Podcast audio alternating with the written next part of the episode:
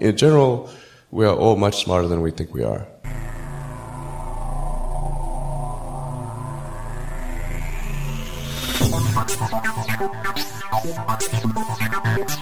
Velkommen til Lolbua episode 231. En eh, lykke- og glede-spesial, fordi Jon Cato er ikke med oss i dag. Kun veltilpassa og glade mennesker uten bitterhet i hjertet. Velkommen til eh, meg sjøl, Lars Rikard Olsen, og så har vi med oss eh, som alltid nesten Mats Jesus Rindal Johansen. Hallo, Velkommen. hallo. Tusen takk, Lars. Ja. Så hyggelig. Jeg liker at det er veldig optimistisk start på sendinga. Vi er liksom glad og Ja.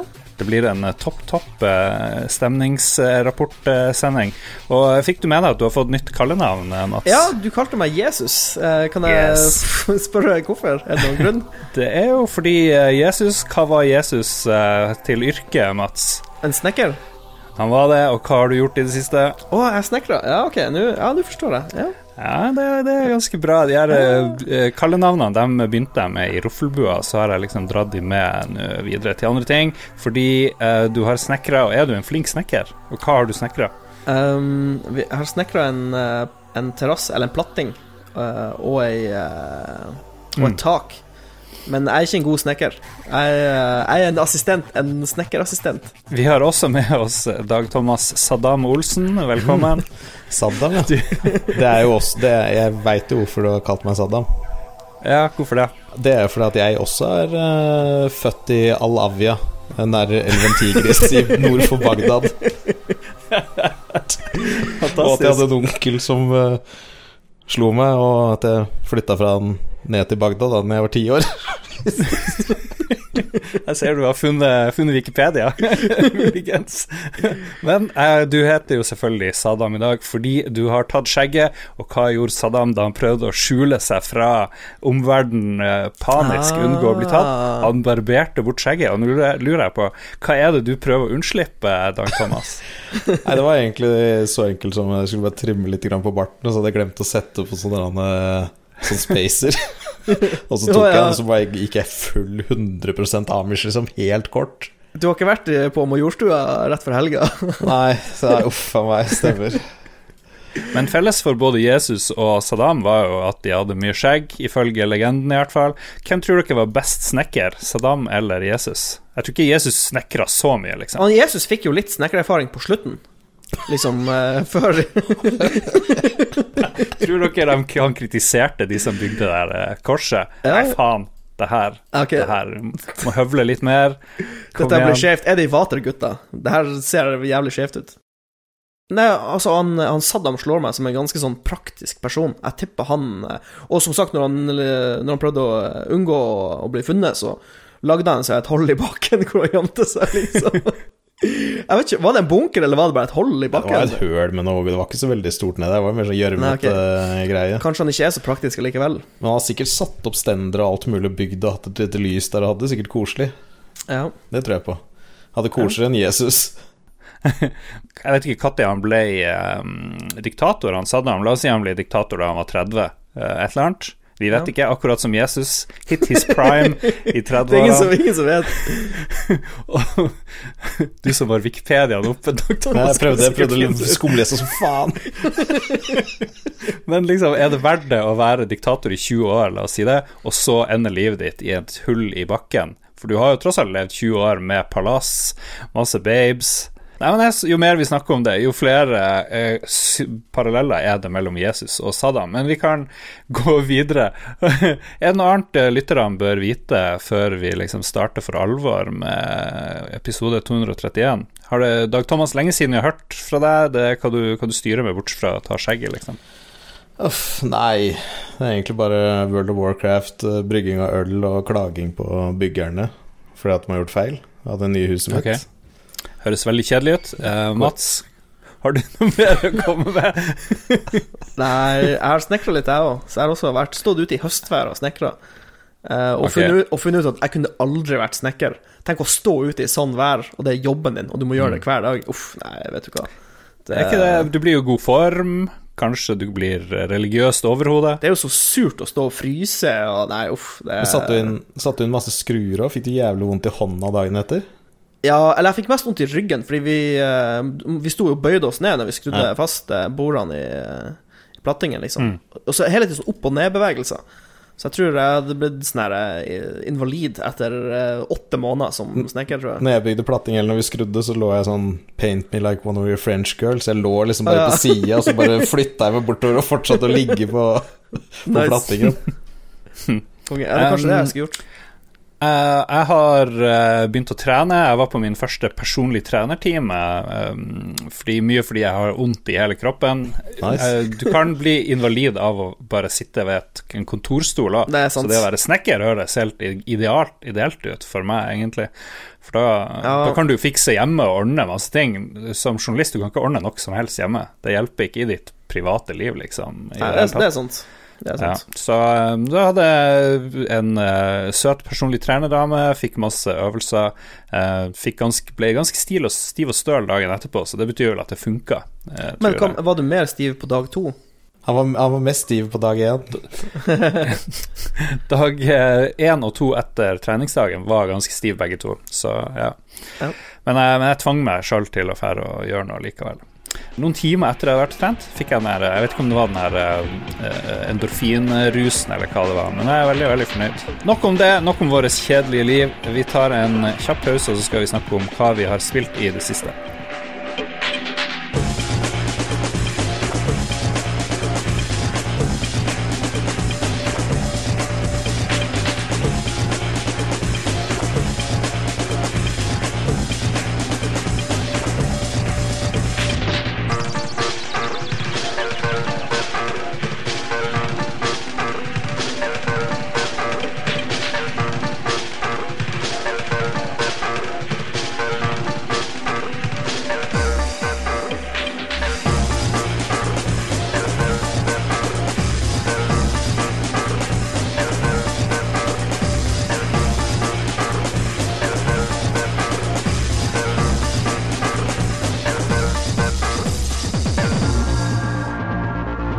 Er tilbake, og vi skal gå gjennom de store og viktige tingene som har skjedd i verden. Vi snakker selvfølgelig ikke om kidnapping og partering av uh, folk i saudiarabiske konsulat, men om ting vi uh, har spilt i det siste.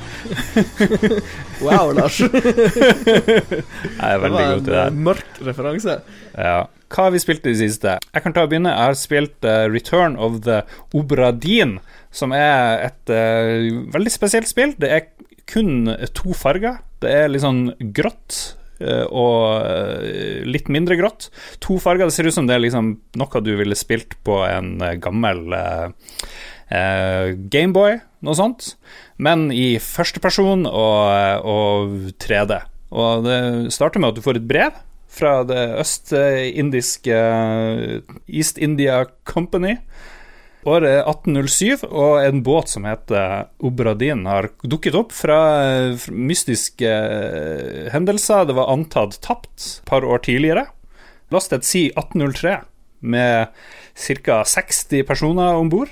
Eh, og den siste turen deres var til Orienten. Og så har de plutselig dukka opp utafor Fallmouth Jeg vet ikke hvor Fallmouth er. Dispatch to Fallmouth immediately and prepare a full assessment. Fordi du er liksom en sånn forsikringskar, da, så du skal liksom finne ut uh, hva, hva som har skjedd. Skal man betale ut forsikring i dette tilfellet, eller ikke? Og med deg får du en mystisk koffert. Veldig tung koffert, og oppi der er det en bok og et slags kompass slash klokke som gjør at når du finner ditt første lik, fordi eh, det er veldig få som er i live på det her skipet, så får du et flashback til eh, noen få sekunder før personen dør.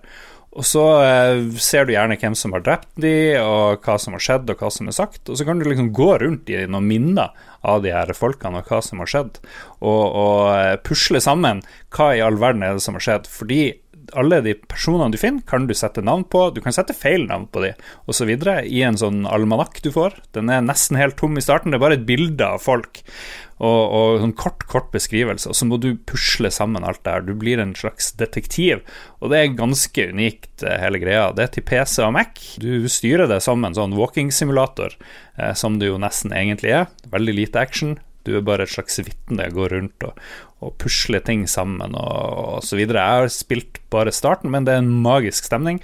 Masse god voice acting, mye bra lyddesign. Har du, har du spilt det på PC-en din? Jeg spilte på PC-en min, Wow. og eh, jeg vil påstå at jeg holder min sti rein og ikke spiller noen moderne spill på min ganske gode PC, for det her er jo som sagt to farger i hele spillet. Så noen vil sikkert bli irritert, men jeg tror jeg kan love at det i hvert fall er 25 FPS ganske stabilt, eh, kanskje til og med 60, eller jeg vet ikke, jeg legger ikke merke til sånne ting. Altså, du, du ser liksom lik, eller du ser hva som har skjedd med dem, og det er liksom det det handler om å finne ut hva som har skjedd? Tydeligvis, enn så lenge. Jeg har, ikke, jeg har liksom ikke spoila meg sjøl og lest om spillet, så det er nå det som er i starten. Du, du får bare det første brevet, du havner på båten, og så har du med en koffert og har fått beskjed om å ikke åpne kofferten før du er om bord i båten. Og det er en ganske sånn litt sånn creepy stemning. eh, Det er jo han eh, Lucas Pope som har lagd det, han som har laget Papers, Please. Yes. Han er jo Og konge. Eh, det er jo et magisk spill, så han har visstnok Ja, ja. brukt fire år på å lage det her uh, Return of the Obra Din, som, som ser ut til å være absolutt verdt 144 kroner, som jeg betalte. Men jeg skal nå uh, undersøke mer og, og spille videre, og, men jeg ser, ser veldig lovende ut. Ja, men kult. Det hørtes jo Jeg fikk faktisk lyst til å spille det. Ja, ja. Kan det hende at det Eh. tok såpass lang tid fordi han følte det var litt bittert at The Division hadde stjålet konseptet hans? ja nettopp. Anywho, vi kan gå til neste mann. Hvem har lyst til å eh, fortelle om hva de har spilt i det siste? Nei, jeg kan uh, fortelle, jeg. Men Ja. Mats er vel med på det, Mats er vel med på det, han òg. ja, vi blir jo å dele litt uh, her, da. Jeg har selvfølgelig spilt uh, det vanlige, World of Warcraft, som egentlig er jævlig dårlig. det er en jævlig dårlig expansion som er jævlig kjedelig. Men det er liksom sånn når du først har kjørt noe heroin i årene, så trenger du litt tid å avklimatisere og komme deg igjen. Ja, jeg er er jeg, jeg skje klarte å uh, løsrive meg. Ja, alt, alt er skikkelig dårlig med en expansion der. La oss bare være ærlige med det. Ferdig med WoW nå, snakker vi aldri om det igjen. Ja. Ok, Um, og så har vi testa ut um, Star Citizen Public Test Universe versjon 3.3. Stemmer det? Uh, Uh, og der har de gjort masse endringer på object streaming og masse sånn tech som gjør at nå har vi stabilt 60-90 FPS. Mm. Det var jo et kjempestort problem før med Star Citizen, at uh, du hadde 3 FPS. Ja, du hadde så utrolig lav FPS, eh, for han tegna liksom inn alle sånne containere og objekter og alt mulig som du ikke så engang. Som var liksom 100 km bak der, liksom. Eh, Så nå har de endelig funnet en måte å streame det litt bedre på, sånn at du får okay. mye mer FPS. Så vi, eh, vi lasta det ned begge to, og så prøvde vi først å finne hverandre. uh, vi endte vel opp med å møtes på den romstasjonen. Ja, det endte vel først, så var det vi, vi skjønte ikke helt hvordan vi lagde team, og, så vi var jo egentlig på to forskjellige servere. Og da landa Mats ett sted, og så landa jeg et annet sted, og så prøvde vi å finne hverandre, og så fant vi ikke Ja, stemmer det. Vi dro til Demon. Ja, Og så Ja. fikk vi uh, starta opp et nytt spill sammen, så vi var på samme server. Men da merka Matt at faen, han har jo ikke noe romskip lenger, for den står jo parkert nede på den Ja. eh, romstasjonen han hadde landa på. Så derfor måtte vi ta mitt romskip, da fly ned til romstasjonen, sånn at Matt fikk henta flyet sitt. Og, Mm. og den greia der er litt kult, at det, nå er det jo full persistence. Så hvis du lander et sted, så er du der. Liksom Kaster du fra deg en boks på en planet, så er den boksen på den planeten. Quantum Drive er sånn her eh, raskere enn lyset-racing. Så du drar liksom fra en romstasjon til en annen planet, eller måne, da, og så flyr du bare ned til overflata av månen, liksom, fra verdensrommet. Det er ikke noe loading-skjermer, eller Det er liksom fra A til B, uten å Uten noe, eh, no, noe imellom. Det er ganske kult. Cool. Opp opplevelsen var gøy, men det er jo ikke noe å gjøre der ennå. Så det er noe missions og noe småtteri, men det er jo ikke noe, det er jo ikke noe spillbarhet ennå. Nei, og så er det jo sånn, sånn så Det er så mange funksjoner som ikke er ferdig, sånn som eksempel Star-mappet er jo langt fra ferdig. Vi, vi åpna jo opp kartet, og så fant vi ut Ja, vi skulle dra til en sånn ny plass som heter Hurston, som er en litt sånn frodig planet. Vi hadde lyst til å se hvordan den så ut. Eh, men så hadde vi ikke nok drivstoff i noen av flyene til å komme oss så langt. Eh, så jeg prøvde jo bare et sånn eh, desperat hopp så nært planeten som mulig, og så kom jeg ikke nært nok, liksom. Eh, og så fant vi ut i ettertid at nei, den er ikke lagt inn ennå. den fins ikke ennå. Men den er der på kartet, liksom, så du blir jo lurt hvis du ser på kartet. Kommer det til å bli ferdig før de går helt konkurs? Jeg vet ikke. det jeg, det jeg håper, eh, det jeg tror er realistisk, er at de klarer å dytte ut Squadron 42 Mm. som et singleplayer-produkt eh, om ikke så altfor lenge. Det tror jeg de kan klare på et år, å dytte ut det spillet der. Og så kan de heller jobbe videre på multiplayer-del, altså Persistent Universe-biten. For du, du, du trenger så mye ting for at det skal være For jeg tenker når du skal liksom åpne opp for folk, og de skal komme og spille spillet ditt, så må det liksom være sånn halvveis ferdig. Det må være noe som gjør at de har lyst til å starte det opp igjen ei uke senere og spille mer. Men det dere var mest gir- gira for, er ikke det den der chat-funksjonen? Face over IP, ja. Det er det Ja. feteste som noen gang har skjedd i noe spill. Forklar. Nei, altså du har jo De har jo tenkt å komme med et eget proprietært IR-kamera som leser alle ansiktsuttrykkene dine, men du kan også bruke et webcam så lenge du har zoomet inn på ansiktet og har god belysning. Og det programmet vil da automatisk tracke øyenbryn, panne, øyer, munn osv. Og så blir det automatisk satt på den karakteren du spiller i spillet. Så alle ansiktsuttrykk du lager, alle grimaser, alt vil bli vist på karakteren for de andre du spiller med. Og det er liksom Ja. in, det er instant, det er ikke noe delay. Så, Så- når, du, når, du, når du snakker, når du snakker så vil du se ut som personen din snakker på en måte. Leppen beveger seg, og ansiktet beveger seg. Det er ganske imponerende. Akkurat nå er det jo mest brukt i trolling og lage stygge videoer, men eh, jeg tror det blir jævlig kult når alt er ferdig, om folk benytter seg av det. Ja. Vi har jo planer om å lage en uh, På en stream så må vi kun ha sånn her eh, Ja, hvor eh, vi, vi tre har face of ripe med Star Citizen-avatarene våre. Det er konge. Ja. Men da må jeg kjøpe Star Citizen, må jeg det? Du må bare kjøpe en sånn liten pakke. Hva er, hva er en liten ikke- pakke? 45 dollar, er det vel? Altså Patrions har lyst til å betale 45 dollar for at de skal se ansiktet ditt animert in game. De driver og tjener penger som gress fremdeles, da, de her uh, Star Citizen. Ja, eller det har vel stagnert litt, vil jeg tro. Nei, forrige døgnet så var det 1 million. Ok, på et døgn. De, langs, de, ja, de lanserte den Kraken, det der eh, svære hangarskipet, som koster 2500 dollar eller sånn. Eh, Det var en del som kjøpte det, for de har tjent to millioner på en uke nå eller noe. Så de, hva de har fått inn? En par hundre millioner dollar nå, Ja, snart 200 millioner. Det bør bli noe spill med det, hvor Ja, de bør, de bør klare å dytte ut scoren 42. Det, hvis ikke, så blir jeg ekstremt skuffa. Ok, har vi snakka noe om um, Star Ja. Citizen? Ja, vi kan gå videre til spillet jeg har spilt en del siste uka, som Uh. er Call of Duty Black Ops 4. Er jo det korrekte tallet. Jeg trodde det var tre. Beklager. ja, det er en, ærlig feil. Eh, Det er da eh, Det som skiller det litt fra de tidligere Call of Duty-spillene, er at det er ingen singleplayer-del. Det er ikke noe story. Det der berømte Call of Duty-singleplayeren som du spiller gjennom på fem og en halv time, som er sånn her, som en absurd actionfilm. Eh, Men de har i hvert fall kutta det helt ut. De har satsa 100% på multiplayer. Så de har lagd eh, basically tre multiplayer-deler. Du har eh, det som er eh, klassisk multiplayer, dvs. Si Team Deathbatch, eh, Domination, Control og sånn. Mm. Og så har du Zombies, som er en helt egen multiplayer-bit. Det er fire spiller coop, eh, hvor du eh, må beskytte deg mot bølger av zombier og andre monster. Og så har de en ny multiplayer-bit som de kaller Blackout, som er basically en kopi av Battle Royale. Altså det er en Battle Royale-modus. Eh, den har vi snakka om litt om tidligere. Eh, det er mm, mulighet for å spille solo, eh, duo og quad. Eh, quad er basically squad. Det er fire, fire karer sammen. Eh, og jeg har spilt alle tre bitene. Jeg har prøvd alt. Um, og storkost meg. Eh, jeg litt Jeg må innrømme at eh, den der klassiske multiplayeren i Call of Duty, den Team Deathmatch-greia, er jeg litt ferdig med. For um, det er så kaotisk hvor du spåner inn og sånn etter du har dødd. For du kan liksom spåne inn, og så begynner du å gå fremover, og så skyter du en fyr, og så skyter du en fyr til, og så spåner det bare en fyr rett bak deg. Og da er du død. Du kan ikke Du rekker ikke å reagere på det, liksom. Så jeg føler det blir litt sånn kjøttkvernprinsippet. Eh, Det blir ikke så mye Du kan ikke dominere, føles det som. Skikkelig. Jeg vet ikke. Ok. Ja.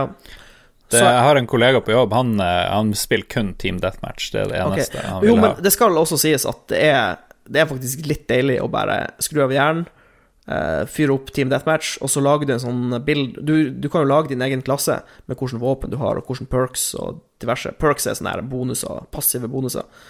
Uh, og det er litt deilig å bare lage en sånn uh, run and gun-bild med en sånn maskinpistol eller pumpehagle, og bare springe rundt og bare være idiot, liksom. Det er jo litt morsomt. Men den der blackout-biten er jeg blitt veldig glad i. For det er um, I stedet for at de har kopiert uh, PubG, som vi alle kjenner til, forhåpentligvis, så har de lagd Battle Royale. Eh, samme konseptet, like mange spillere, litt mindre kart. Eh, men de har et helt eget tempo. når du hopper ut fra flyet eller helikopteret, så har du en sånn wingsuit på deg, litt som i Far Cry. Mm. Så du er liksom nede på bakken nesten med en gang. Du flyr bare rett mot dit du skal, og så lander du som en actionhelt. Uh, mm. Og så er det liksom Det går sinnssykt raskt å plukke opp items, og så sprinter du fort Altså, du beveger deg så fort rundt, og så kan du uh, Du har sånn, sånn slide hvor du glir bortover bakken hvis du blir skutt på, uh, for å unngå å ta skade. Og du har grappling hooks, du har sånn liten radiostyrt bil du kan styre rundt for å scoute et område hvis du ikke har lyst til å gå dit først. Mm. Du har sånn sensordart. Veldig mye sånne James Bond-gadgets du kan bruke, rett og slett. De har eh, laget et Battle Royale-spill uten å prøve å blåkopiere PubG. De har laget sin egen ting. Men det er ikke noe sånn at du føler at radiobiler og wingsuit og sånn At du savner det i PubG, liksom? Du syns at det bør være for seg sjøl, eller er det noen ting du ville hatt i begge? Nei, jeg tror ikke det. Det, det er én ting som er litt, uh, litt vill i, uh, i Blackout, må jeg si. Det er litt spesielt, for du har to, eh, du har to sånne flashgranater. Du har en mm. som heter bare concussion grenade, som er Det er sånn som i PubG. Det er en granat som smeller, og så blir du blind hvis du er nært den. Men så har de en som heter nine bang, som er som en slags cluster-flashgranat. Okay. Så jo lenger du holder den inne, jo flere små flashbangs blir det da. Og den er så ufattelig kraftig. Eh, så hvis du blir truffet av den, så står bare fyren din i ro i sånn fem sekunder. og det, det, er basically en death sentence i blackout. blackout. Eh, Call of Duty-spillerne, er de like flinke i uh, Battle Royale som uh, PubG-folk, f.eks.? Um, ja, det, ja, det finnes noen veldig gode folk. For hvis du er god å sikte, og du har gode reaksjoner, så vil du liksom gjøre det bra uansett. Så jeg har møtt et par utrolig flinke, men jeg har også møtt veldig mange dårlige folk som mm. bruker veldig lang tid på å lute og, og bare legge seg i gresset og ligge der og vente, liksom, og tror de er usynlige. Og så bare ja. Kommer du over dem og skyter med ryggen. Nei, men uh, hvis folk er litt på uh, gjerdet, er litt skeptisk, så uh, skulle jeg ønske at det var en trial-funksjon, sånn at folk kunne prøve det uten å betale 60 dollar, men hvis du liker Battle Royale, så er jeg ganske sikker du blir å like Blackout. Hvorfor har ikke du spilt det her, Dag Thomas? Nei, det er mest fordi at jeg har ikke likt den vanlige DM- spillestilen til uh, Og det forstår jeg, for det er, det er kjøttkverna. Det er liksom bare sånn løpe i fem sekunder, bli skutt, skyte en annen fyr, spåne, spåne, spåne, ja. skyte det, det, blir liksom sånn Jeg liker den PubG-stilen hvor du er kontrollert, beherska, kan bruke litt strategi, gjemme seg litt, bare titte litt. Ikke at det beskriver, beskriver meg 100% men du kan det. Du, kan, du har muligheten for det. Nei, men der, der leverer Blackout veldig. Ja vil jeg si. Du har, du har, veldig mye Det som er litt kult i Blackout kontra PubG, at du har en mye større verktøykasse med ja. gadgets og ting du kan ta med deg. Ok, vi har snakka om The Return of the Obra Din, uh, Star Citizen og Call of Duty Black Ops 4. Ja. Da tar vi en kjapp uh, pause, og så kjører vi på med nyhetene.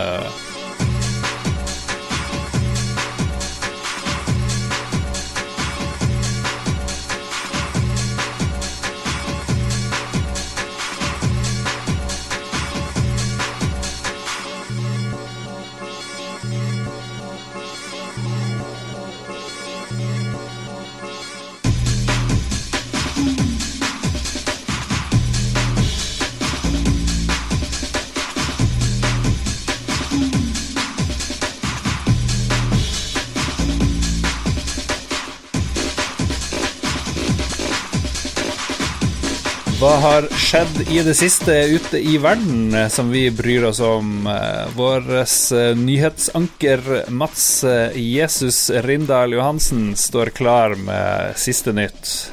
Hei, vi har en fyr fra Østlandet. Burde ikke han på veldig uh. offisielt vis lese opp nyhetene? Faktisk. Godt poeng. Vi har jo lesevansker. har, du, har du offisielt det som skriver Oskar, eller er det bare noe du sier? Det var det jeg sier. Thomas? Det var det du sier, ok. Nei, men Da er du nyhetsanker. Du har helt rett, Mats. Har vi en ja. søring, så har vi en søring. Ja. Da kommer jo nyhetene, da. Fra Østlandet. Direkte her fra sør. Oppsiktsvekkende tall kommer fra Rockstar angående utviklingen av Red Dead Redemption 2. Dan Houser sier at de på det verste jobbet 100 timer i uken. Det har ettertank Det har ettertank? Det har i etterkant kommet mye kritikk av denne uttalelsen. Ja, for han, han skrøt liksom av at oh, wow, vi, når vi cruncher, så jobber vi liksom 100 timer i uka, og det er jo galskap. Det er jo ingen som skal jobbe 100 timer i uka. Det er jo Altså, jeg, når jeg er offshore eh, og jobber to uker, eh, tolv timer hver dag i uka, så jobber vi 168 timer på to uker, liksom. Så det, de har de har ei verre uke enn offshorejobb, liksom. De har jobber 16 timer hver dag, eller jeg vet ikke hva, hvor mye det blir. Det sånn, jeg, jeg sitter jo og koder hver dag, Ja. og du kan ikke Altså, jeg kan ikke bare dra på jobb, og så sitter jeg og koder i sju og en time sammenhengende, og så bare dra hjem. Effektivt, Altså, liksom. Nei, det, fun- går jo det ikke an. Det funker er jo ikke sånn. Det blir liksom en halvtime her, litt pause, en halvtime der, og liksom tenke litt og det, det, mm, så du, og du må jo bli helt kokt i hodet òg, være på et kontor 15 timer, og så sove litt, og så tilbake igjen. Det er sikkert mange som sover på kontoret, tipper jeg òg. ja. At det ikke var verdt å dra hjem, liksom. Jo, men det må jo være det. Altså, hver, eh, hver 100 timer er jo ikke nesten nå Er det ikke et par og 20 timer om dagen, da? Ja, ja du, må, du, må, du må jo sove òg, liksom. Ja. Det er jo Men må du sove? Det er jo kanskje det. Sover vi for mye? Er kanskje et enda bedre spørsmål. Nei da. Men det kom vel frem i etterkant at han, eh, Dan Hauser snakka om ledergruppa, visstnok. Det var liksom unnskyldninga å komme. At det her var ikke hele selskapet. Jo, men Du tror ikke på han? Nei, altså, jeg tror at han tenkte at det kom til å få en annen reaksjon. At det, at det var sånn skrytegreier, og så skulle folk liksom respektere dem. At de har jobba så hardt for spillet, på en måte. Og så så han For det var jo sånn insane backlash, for folk har jo begynt å få litt øynene opp for hvor brutal spillindustrien er. Og så kom det utrolig mye negativt. Og da tror jeg han begynte å ro roe litt til fiskeskjæret sitt Ja. og sa ja, nei, men det var bare fire av oss eh, øverst Ja, ja. som gjorde det, liksom. Det, jeg tror det bare er tull. Ok. Jeg tror litt på han eh, Dan Hauser, da. Fordi de, de har jo gitt alle i selskapet carte blanche, som jeg elsker å si, carte blanche, eller Kate Blanchett, til, å, å uttale seg fritt om denne saken. Og det, de fleste sier jo at de jobber, de jobber ikke De har aldri jobba 100 timer i uka. Jo, Liksom. men det er ikke du har fått med deg Ja. Det er ikke du har fått med deg, Lars, er fredagsmøte hvor Dan Houser bare står der bare Ok, alle som sier noe på Twitter om det her, de er faen meg døde! Jeg skal drepe dere! Jeg skal denge dere! Ja, jo da. Jeg er helt enig. Jeg er jo en, det er jo en fagforeningens mann. Jeg er jo med i Norsk Journalistlag og står på barrikadene og vet at alle i corporate headquarters, uansett selskap, er ond. Så det Hvordan jeg vet det, jeg vet ikke jeg. Ingen bevis, men jeg bare vet det. Det fins jo det finnes faktisk en organisasjon for spillutviklere. Det fant jeg ut her om dagen. Eh, Men Ah, den ja. er visstnok utrolig ueffektiv for å gjøre det den skal gjøre. Så den, er, den, er, den blir ikke tatt alvorlig, da. Men det er veldig mange som er med i den. Ok, da føler jeg vi har løst problemet. Eh, Ja. Nyhet nummer to. Nyhet nummer to. Call of Duty Black Ops 4 satte rekorder for Activision. Det er nå det mest solgte spillet i digitale kopier på slippdatoen. Ja. Det er jo ganske rått. gratulerer til Activision. Eh, Det er jo et ganske stort studio, så de har jo ganske mange spill de har sluppet digitalt. Så eh, Nei, de, de sa visstnok at det har solgt utrolig bra, så eh, Og det har jo fått veldig bra kritikk òg. Sånn, hvis jeg skal komme med Så føles det som det mest liksom, komplette Call of Duty-spillet. For det har, alle tre, det har alle tre tingene som er relevant, på en måte. Hadde det ikke vært for Destiny 2, skulle jeg gjerne spilt litt Call of Duty, men eh, det er blitt så mye å gjøre der. Hele livet mitt på data nå renner bort uh, i Destiny, Men har du det gøy? Ja, det, det er faktisk blitt veldig mye å gjøre der. Men har du det gøy når du gjør det? Jeg brukte store deler av dagen til å grinde ut noe sånn her eh, resonant harmonics Var det drit gøy? for å få sleeper simulant. Ikke så veldig gøy. Jeg kan ikke si jeg har det veldig gøy. Jeg, har spilt, jeg har spilt eh, Destiny 2 veldig casual eh, de siste månedene, og jeg har det ganske kos. Jeg koser meg, vil jeg si. Så lenge, sånn, så lenge jeg ikke tar det for alvorlig, så koser jeg meg.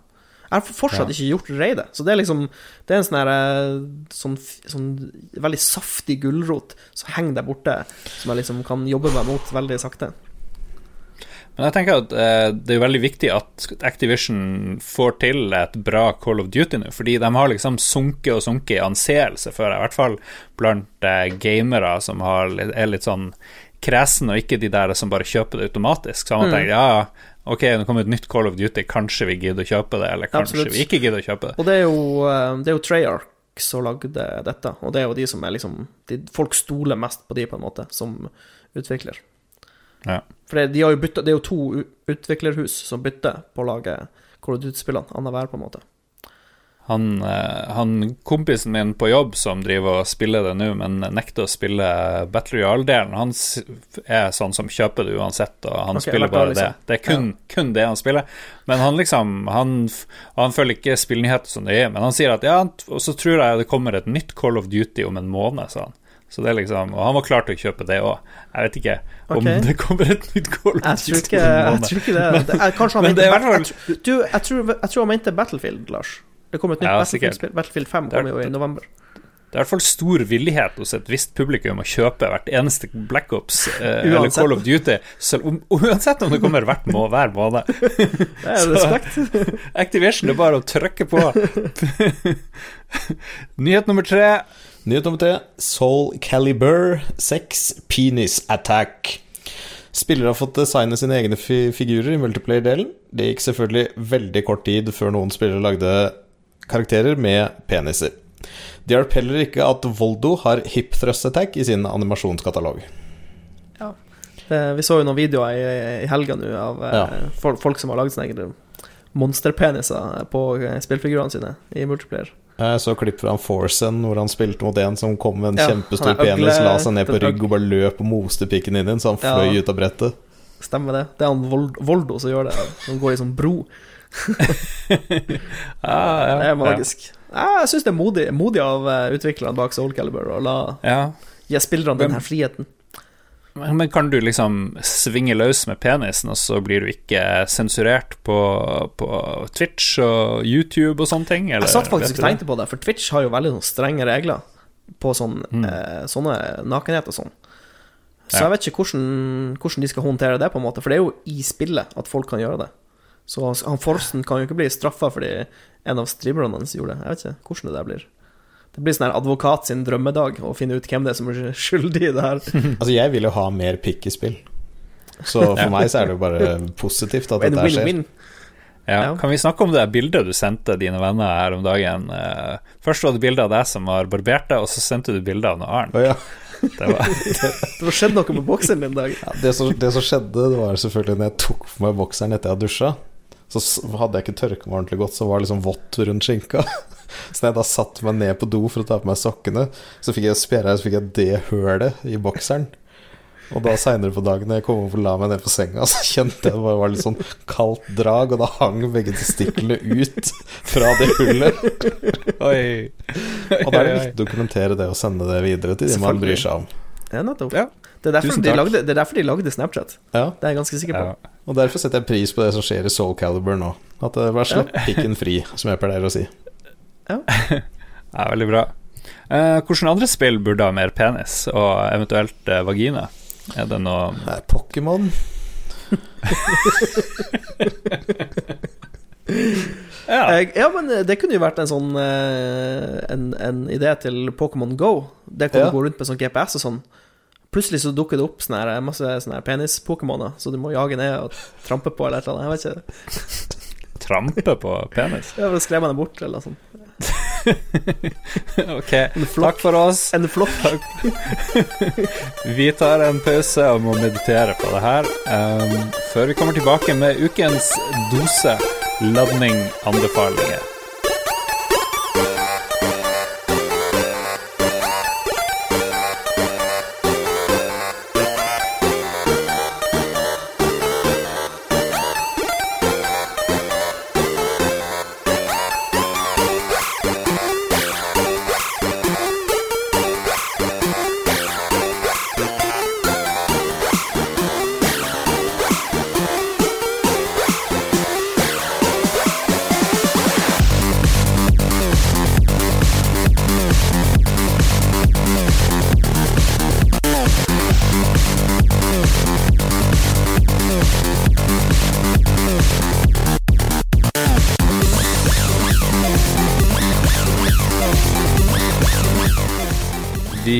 har eh, nettopp hørt eh, en eh, sang som vi helt bevisst skulle få ned de store ereksjonene til mine medprogramledere her. Har det fungert, Mats og Dag Thomas? Ja, det var en skikkelig kalddusj av en sang. Jeg er skikkelig Det fungerte flaccid nå. Utrolig bra.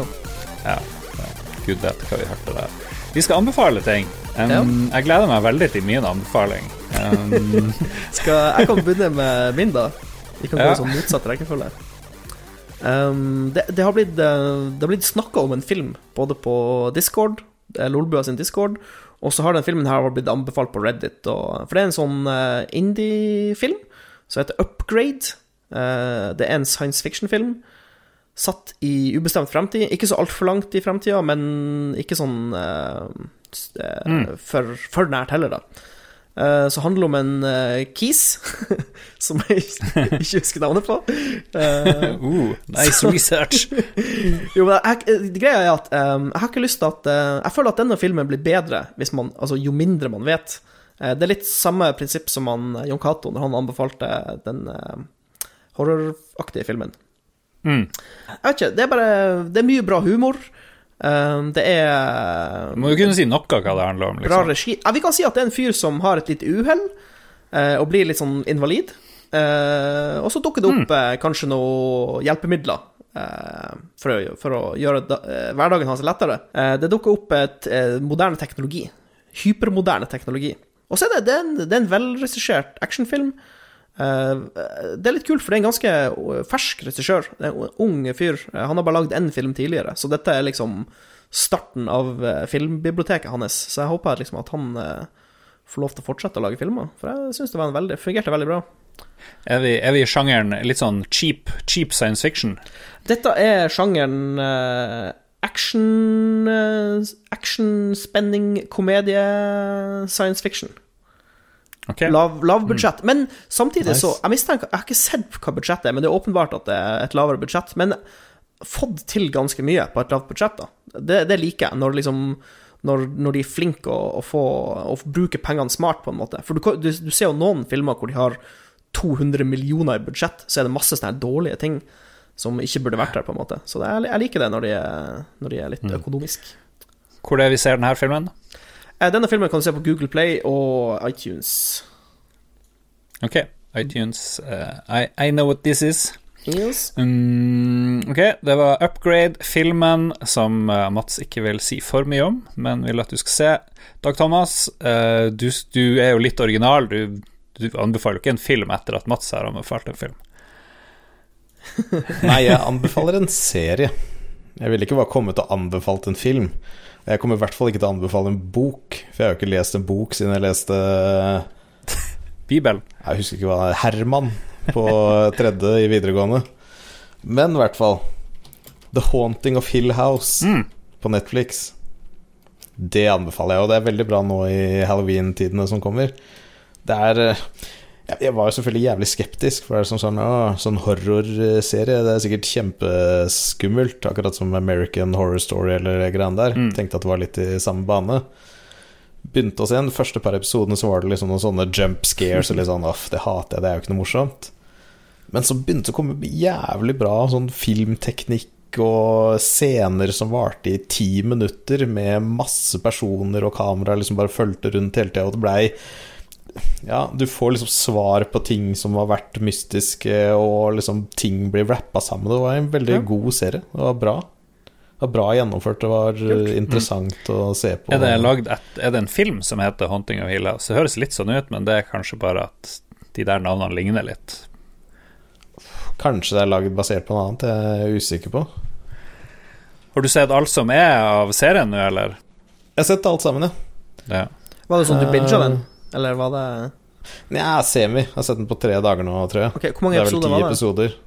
Ti, tror jeg. Ja. Ja. Nei, men det er fint. et fint tall. Så, så, vel, tre om dagen, cirka. Nei, men det er kult. Jeg har hørt, jeg har hørt flere, flere som har anbefalt den serien der, så jeg har lyst til å se den. Og det er jo som sagt, det er jo oktober, det er jo perfekt med litt horror. horror. Janina satt jo liksom med teppet litt foran øya og syntes det var guffent. Jeg, jeg må jo innrømme at hver gang jeg liksom bare sånn Nei, her orker jeg ikke å titte litt ned.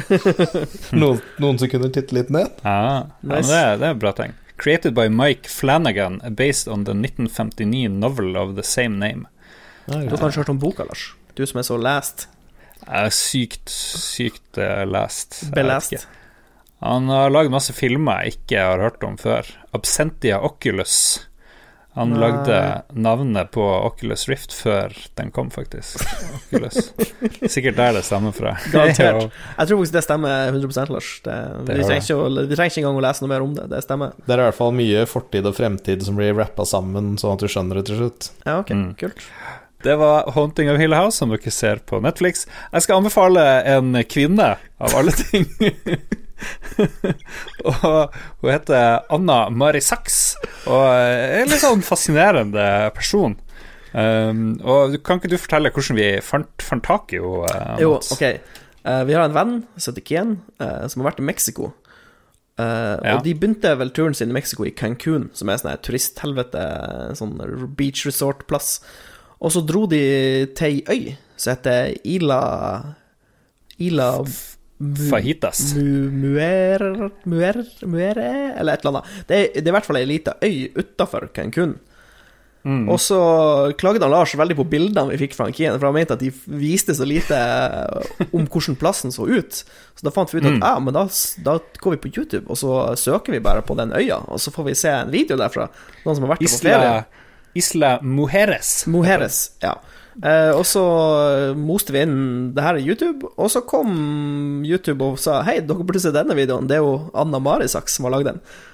Og så kan du fortsette, Lars. Du som har kommet med anbefalinger. Og så, og så sitter vi nå og ser Å, se, der går hun og viser frem. Veldig flott øy. Får se mye mer enn vår venn uh, Kian klarte å vise frem på foto. Han ble forresten veldig bitter over at jeg kritiserte hans fotoskill. Men hun er Anna Marisaks.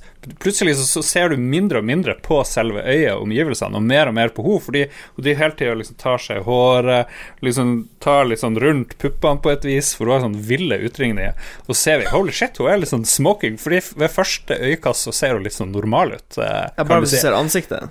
Ja, Ja. men så er det bare 100 hun bare vil at du skal se på kroppen hennes hele tida. Og så går hun og snurrer rundt litt, og så tar, tar, tar i håret eh, sitt hvert tiende sekund. Jeg er hellig overbevist om at hun er sånn luksusprostituert som drar rundt på sånne beach resorts med kundene sine. Nei, nei, nei. Men hennes greie er da at i hvert fall at uh, i tillegg til å være Hun er ikke luksusprostituert, øh, Mats. Det vet vi ingenting om. Så det er noe du tar på egen kappe. Hun skriver at hun er en sånn traveler, hun er en sånn reisende. Ja, hvor får du pengene fra, Lars? Blogger hun. Jeg vet ikke, hun drev hun tagga noe med poker, så jeg okay, på uh, Instagram, poker- som jeg ikke har sjekka hennes uh, Instagram-konto i det hele tatt. Eh, Men hun driver og reiser rundt, da, så når, på de resultatene fra den her, i tillegg til Isla Mujeres Så hun reiser over hele verden og bare filmer seg sjøl og utringninga si. Men anbefaler du, anbefaler du YouTube-kanalen, eller anbefaler du personen? Anbefaler person, så det, du har tydeligvis veldig Hun har tre Instagram-kontoer du kan følge med på. Svær YouTube-kanal osv. Men liksom, det er liksom litt rart, og morsomt at sånne folk fins. Eh, for Ja. liksom bare Ja, ja, her er liksom Nå drar jeg hit, nå drar jeg dit, se på meg. Eh, liksom er det et ganske ok liv, da. Um, noen vil sikkert si at ja, men det her er veldig lite feministisk og sånt, men jeg vet ikke. Er det, er det feil å liksom eh, reise rundt, være litt pen, vise mye av kroppen sin, og så håve inn the cash? Jeg vet ikke. Jeg skal ikke dømme, i hvert fall. Det skal Nei. jeg ikke gjøre. Nei. Anna Marisaks, folkens. Eh, døm sjøl.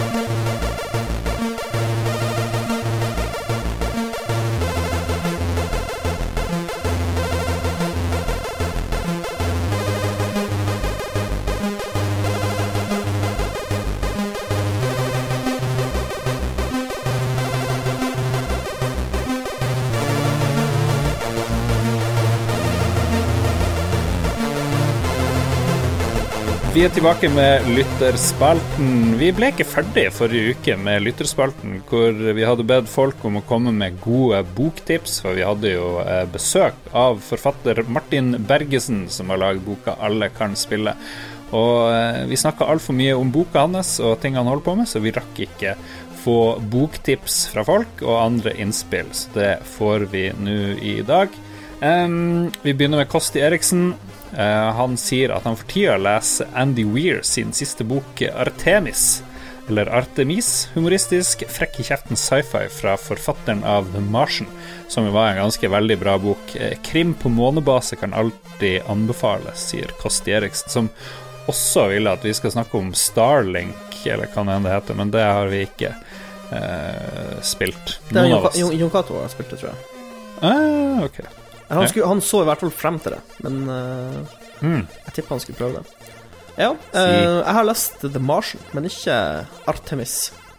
Jeg begynte å lese Artemis, og jeg syns ikke Jeg vet ikke, jeg klarte aldri å bli ferdig. Men siden han Kosti skrøt så mye, så skal jeg finne den frem. Jeg lasta den ned til Kindle. Ja. Gjorde jeg. Uh, Torbjørn Fraus Skau uh, holdt på å lese Orientekspressen av Torbjørn Færøyvik. Norges beste reiseskildrer og Aftenpostens Asia-korrespondent. Nydelig lesning. Han har lest eh, tre av fire av hans bøker, i hvert fall. Eh, Jeg skulle begynne å mobbe han, for jeg var ganske sikker på at det var han, ikke han Torbjørn Færøyvik som har skrevet Orientekspressen. Men jeg tenkte selvfølgelig på mordet på Orientekspressen. Som er en helt annerledes bok. Kan ikke Ja. sammenlignes. Så det er tydeligvis en bok som tar for seg den togreisen, da. Som er litt spennende. Jeg tror jeg kunne ha tenkt å ta Orientekspressen, men samtidig så er det ganske mange dager er du tilbringer på tog. Nei, men altså, tenk hvor lang tid tar det toget der? Det må jo ta 18 dager. Jævlig lang Det er jo så langt. Det er jo psyko-langt, liksom. Ja. Du kan game, sitte og game på Orientekspressen. Det er sant. Det er... Kanskje, kanskje hvis du leser boka, så trenger du ikke reise Or- Orientekspressen, for det blir så bra presentert i boka. At du føler at du har vært på reisen. Men da har vi han eh, Mats Rindal Johansen, da, som oi, skriver inn og sier at eh, Jeg leser for tiden Frontline-serien av Marco Klos. Jeg skulle bare lese litt military sci-fi because reasons, og så viste det at dette faktisk var en ganske godkjent sci-fi-serie. Ja, Skulle ønske vi hadde han eh, Mats Rindal Johansen Ja. her, så kunne han jo fortalt mer om den her eh, jeg, kan, Frontline-serien. eh, jeg var jo ikke med på forrige episode, for jeg var ikke der. eh, så jeg skrev en kommentar på Facebook. eh, for jeg holder fortsatt på å lese Frontlines av Marco Mm. For når jeg begynte å lese den, så tror jeg bare det var to bøker. Det handler om en sånn her eh, In the future, selvfølgelig, siden det er sci-fi. Han bor i gettoen og har et trasig liv, så han blir med i militæret for å komme seg unna. Og så er det bare en sånn her sinnssyk reise eh, som følger militærkarrieren hans, da, i, eh, i, i bokserien. Så jeg er vel på bok fire nå. Og så kommer det romvesen etter hvert. For i begynnelsen så er det liksom eh, amerikanerne mot russerne in space. Eh, og så eh, blir det introdusert en sånn super eh, Ganske sånn kul eh, Kul rase. Altså vanligvis så er jo når romvesen blir introdusert i sci-fi, så er de liksom humanoid. De er omtrent like store som menneskene. Kanskje de er litt mer teknologisk avansert. Men dette er liksom sånn her 40 meter store elefantlignende eh, romvesen, liksom. Som eh, invaderer på en helt annen måte. Så det er veldig kompetent skrevet. Det er en tysker, faktisk, som eh, Ja, kan godt anbefale den hvis du savner litt sci-fi i livet ditt. Takk eh, for bidraget, Mats Rindal eh, Johansen. Eh, Jeg tipper, jeg tipper han er fra Bergen. Mats Rindal høres litt sånn bergenskaktig navn ut, men det får vi aldri vite. Skal vi se Christina Hailey sier um, Jeg leser slash hører The Divine Dungeon-serien for tida. Er på tredje bok og er fortsatt fascinert av en dungeon med selvbevissthet. Og så lurer hun på hvordan vår Ultimate Dungeon ville sett ut. Mm. Ja. Og ekstra spørsmål. Hvilket soundtrack eh, ville passe best til vårt liv akkurat nå? Eh, veldig lett. Jeg kan ta det siste. Hvordan Ja. soundtrack passer best nå? Det er jo fordi jeg driver og trener så mye, så det er det. Eh, the jeg, jeg, jeg går for eh, ja, ja, kanskje det. Rocky-soundtracket, faktisk, går jeg for. Ult, hun spør hvordan vår ultimate dungeon ville sett ut, og uh, der har jeg faktisk svaret. Uh, men det er et, basically et save game til et gammelt spill som heter Dungeon Keeper. For der kunne du designe din egen dungeon, husker jeg. Har, har noen av dere spilt Dungeon Keeper? Mm. Ja. Jeg husker jeg spilte det da det kom, men det er vel en stund siden. Ja, det er ganske lenge siden. Men hvordan ser vår Ultimate Dungeon ut? Jeg mener, Hvem i Guds navn er det som har en Ultimate Dungeon? Det er jo bare han der eh, Fritzel som har en Ultimate Dungeon. Jo, Vanlige, tror- normale normale Jeg mennesker. tror, jeg tror de hun prøver å unngå. Jo, men hun tenker jo selvfølgelig i en sånn fantasy-sammenheng. Hvis du skulle vært en evil uh, overlord, og du skulle hatt en dungeon, hvordan ville den sett ut? Det er jo, det er Jeg svarer det. fremdeles det samme. Fritzel Hadde Lars sett ut som Fritzel sin hule? Eh, Uff da. Det har vært masse kake i den der dungeonen min. Hyggelig dungeon. Masse Ja. sånn pute. Min, min, min dungeon ville vært sånn her fallout-shelter med sånn her eh, 1000 liter ferskvann og uh, sånn eh, tørrvarer Oh. som kan vare i ett år. Masse ammunisjon. 20, 20 000 runder 9 mm. 20 000 runder 556. Du skal kunne ta livet av alle i Harstad, er det som er greia. 20 Nei, 000, det er jo- holder jo nesten. Nei, 20, altså du må jo tenke long term, Lars. Det er jo liksom Hva skjer når raiderne kommer, Lars? Hva gjør du da? Ja. Jeg har jo Ja. laget min perfekte dungeon jeg allerede i Path of Exile. Ja. Den inneholder jo bare masse piles of døde lik overalt, og masse fluer, og masse Masse damer som sitter med nyfødte barn og vogger dem. Herregud. Nå må vi gå videre. Det er var veldig dårlig spørsmål, Kristine. Det her passer ikke. Eh, Trygve Bjelvåg eh, holdt på Han hopper mellom Annihilation, eh, Southern Reach-trilogien, og The Golden Apples of the Sun, som er korthistorier av Ray Bradbury. Eh, Favoritten så langt er en historie der man blir en mann blir etterforska fordi han har drept klokka si pga. at han ble gal av notifications som han fikk fra den. Eh, Ja. Og denne boka er skrevet tidlig på 50-tallet, så det er humoristisk, men også ganske absurd. eh, at eh, det er jo ca. sånn vi lever nå. Ja. Eh, og han sier at han måtte begynne å lese noe annet fordi han ble så frika ut av stemninga og fortellerteknikken i Annihilation. Det var som å lese en feberdrøm som han aldri helt fikk grep på. ja. Jeg fikk veldig lyst til å lese det der. Ja, jeg, har, um, jeg fikk veldig lyst til å lese boka etter jeg så filmen.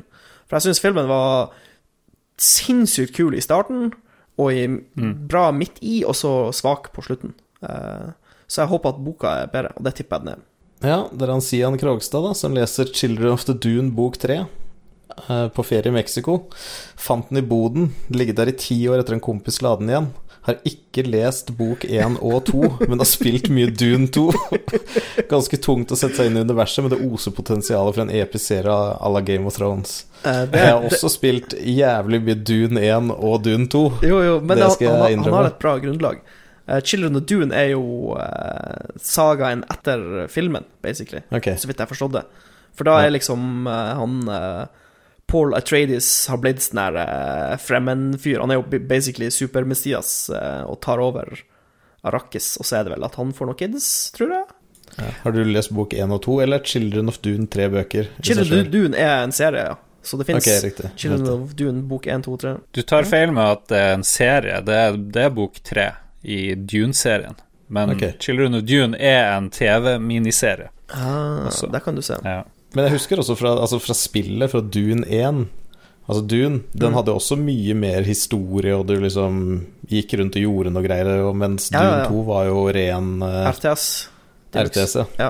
Nei, Dune, Dune 1-spillet har masse historie. Men hvor gal er du ikke hvis du begynner på bok tre av en serie du ikke har lest én Jo, og men to av? da er det jo faktisk ikke så ille som vi tror. Hvis, hvis. Children of Dune er etter Dune-bøkene, liksom. Da er det jo liksom Det er jo, det er jo sagaen etter uh, han uh, Paul. Jo Sånn som du bare starter med Silmarillion. Ja. Men det visste jo ikke han. Det visste ikke han Keen, da. Det, det skal vi si. Han skulle til Mexico, han fikk en faen meg noia, for han hadde ikke noen bøker, så måtte bare dra med seg noe raskt han hadde i boden. ja. Da har vi kommet til Morgan Slang, som sier han kom over masse samlinger av Farside of Gary Larsen på marked i Dublin. Eh, ok. Kanskje ikke den tyngste lektyre, men mye morsommere på originalspråket og høyere underholdningsverdi enn Dostojevskij. Nå har jeg aldri gidda å lese noe Jeg har heller ikke Dostojevskij. lest Dostojevskij. Så jeg kan ikke Ja. Ja, har dere ikke det? Er det han som har krig og fred, eller er det en annen? Hvem vet? Jeg trodde det. Hvem vet? Mens dere sjekker det, så kan vi også si at vi fikk et bonusspørsmål fra Jon Hvem av oss eh, tre ville klart oss best i Battle Royale-sammenheng, eller i hvert fall i noen sånn eh, En vill, Konflikt. eh, vill slåsskamp, var det ikke det? Ja, det var kanskje det. Jeg, jeg, jeg så at folket lente mot Dag, Tom, Dag Thomas. Ja, det stemmer kanskje- nok det. Jeg hadde revet dere filler og bare dratt ut hjertene deres og stått der og spist dem. Han Erland Nettum har trua på han Dag Thomas. Eh, det men det, det jeg vil si, er at eh, jeg har aldri vært i en skikkelig slåsskamp, så jeg vet ikke svaret på det. Men uh, når vi var mindre, når jeg var veldig liten, eh, så har vi en ganske stor sånn søskenbarnflokk. Eh, og så var det litt sånn bryting. eh, og så var Jeg var ganske liten når jeg var Altså, jeg var veldig tynn når jeg var liten. Jeg var sånn skikkelig sånn pinne, sånn fyrstikkgutt. og så var det litt bryting, og så gikk det veldig dårlig, og da beit jeg skikkelig, liksom. Så jeg mistenker at i en sånn skikkelig fight, så tror jeg det kommer en sånn udyr frem, og da, da tror jeg ikke man skal avskrive Mats helt. Jeg tror det kan skje ting. Jeg tror ting kan revne. Oh, shit. Hvis, jeg skal, okay. hvis dette er snakk om en slåsskamp for livet, liksom. Eh, Hvis det er en sånn slåsskamp, eh, en sånn proff, eh, en sånn sparringskamp, så kommer de sikkert til å tape forferdelig. For uh, Jeg, jeg tror det hadde sett annerledes ut hvis det var om livet. Jeg tror folk hadde gitt litt ekstra. ja, litt sånn adrenalinrush, og udyret kommer frem. Eh, Fjodor Mikhailovitsj Dostojevskij ble født 1821, døde 1881, Oi. og skrev blant annet eh, The Idiot, Demons, Brothers Karamazov og Crime of Punishment. Crime of Punishment, selvfølgelig, Dostojevskij. Så um, ja, der har dere det. Han ser på bildet på uh, portrettet, så ser han ut som en skikkelig sånn plagsom fyr som driver og blander seg opp i alt mulig rart. Så good riddance, sier jeg bare. Da har vi nådd eh, slutten på lytterspalten. Jeg tenkte på han Tolstoy. Det er han som har skrevet. War and Peace. De har jo noen ja. titaner innenfor litteratur, de her russerne. Si, si, si. Har dere noen eh, store planer for uka som kommer? Vi tar jo det her opp på søndag. Eh, Skjer noe spennende som folk kan glede seg til å høre om eh, neste gang eh, de møter oss eh, i ørene sine? Nei. Svaret er nei. Her skjer det ingenting. Må dere skjerpe dere, folkens. Her er jo, Jo Cato kommer tilbake og snakker om SpillExpo.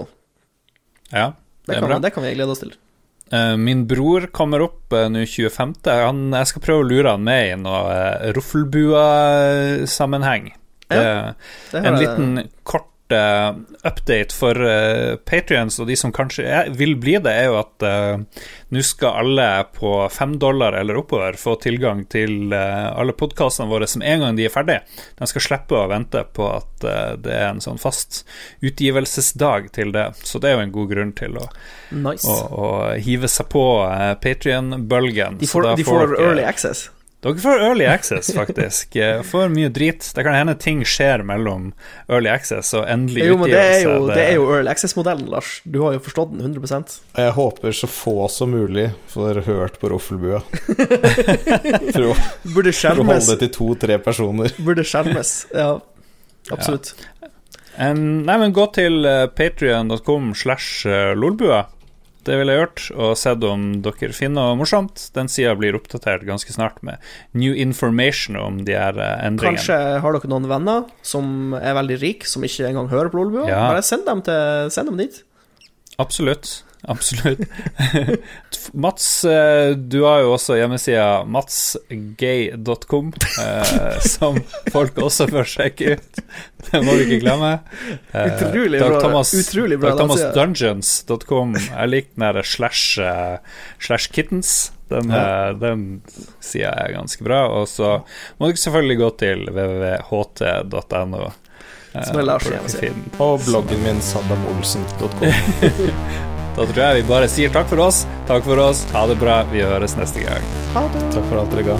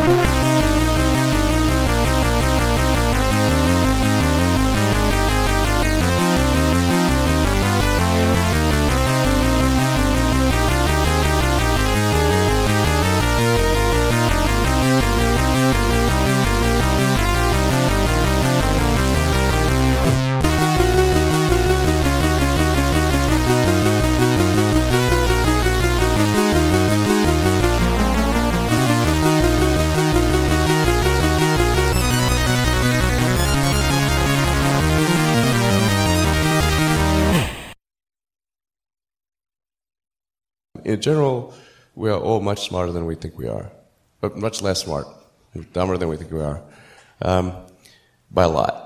Har du et enkeltpersonforetak eller en liten bedrift?